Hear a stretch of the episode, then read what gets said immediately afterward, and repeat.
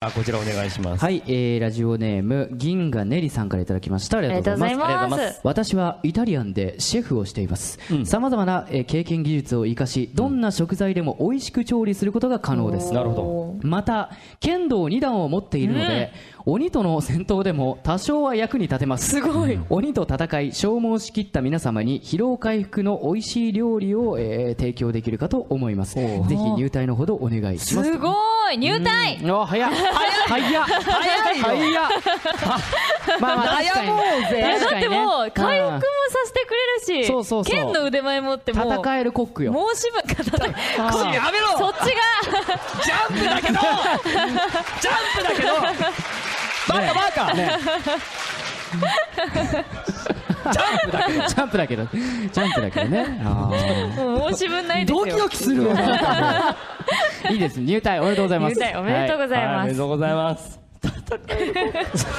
はいじゃあ続いてお願いしますはいはい、えー、久江さんからいただきました。ありがとうございます。私は接客業をしているのですが、うん私の特技と言いますか、接客には自信があります、どんな時でも笑顔を崩さず接客できます。ちょっと前の話ですが、社内のコンクールというものがあったのですが、グランプリを取ったことがあります。えー、おー接客のすごいですので、この笑顔、どんな時でも笑顔でいることを武器に、鬼殺隊に入った暁には、きっと大使の皆様を誰よりも笑顔で癒せること間違いなしです。笑顔は人に元気と勇気を与えると思っています。どうか私の入隊をお認めいただけないでしょうか。どうぞよろしくお願いいたしなるまほどね確かに笑す。顔大事ですおねー大事ですよ。なるほどねまあ鬼と戦うということではなくうんもう笑癒し顔とで、ね、いうねそうね、あーまあそうですよね柱の皆さんもね笑顔ない方多いですからねそうですねう。んしのぶさんは笑顔だけど怖まあ、いし。ちょっと怖い笑顔ですねそうだねそうだねそうなんですよねだからやっぱこうね士気が上がるんじゃないですかあー一緒にいてこう楽しくなるというかねよし頑張ろうっていう気持ちになる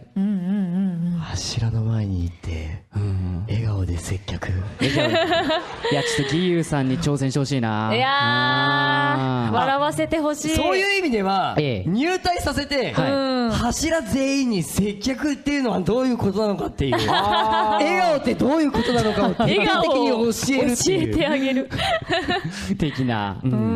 うん。どうしますか入隊入隊今日はだいぶ やねっぱりポンポンポンね柱の皆さんの笑顔見てみたい。あーそうね入隊しすぎ今日じ割ゃとねね甘 めだね判断が甘い、うん、判断が甘いあら。怒ら判れ断ちゃがった。甘いって判い断うが甘い遅いじゃないの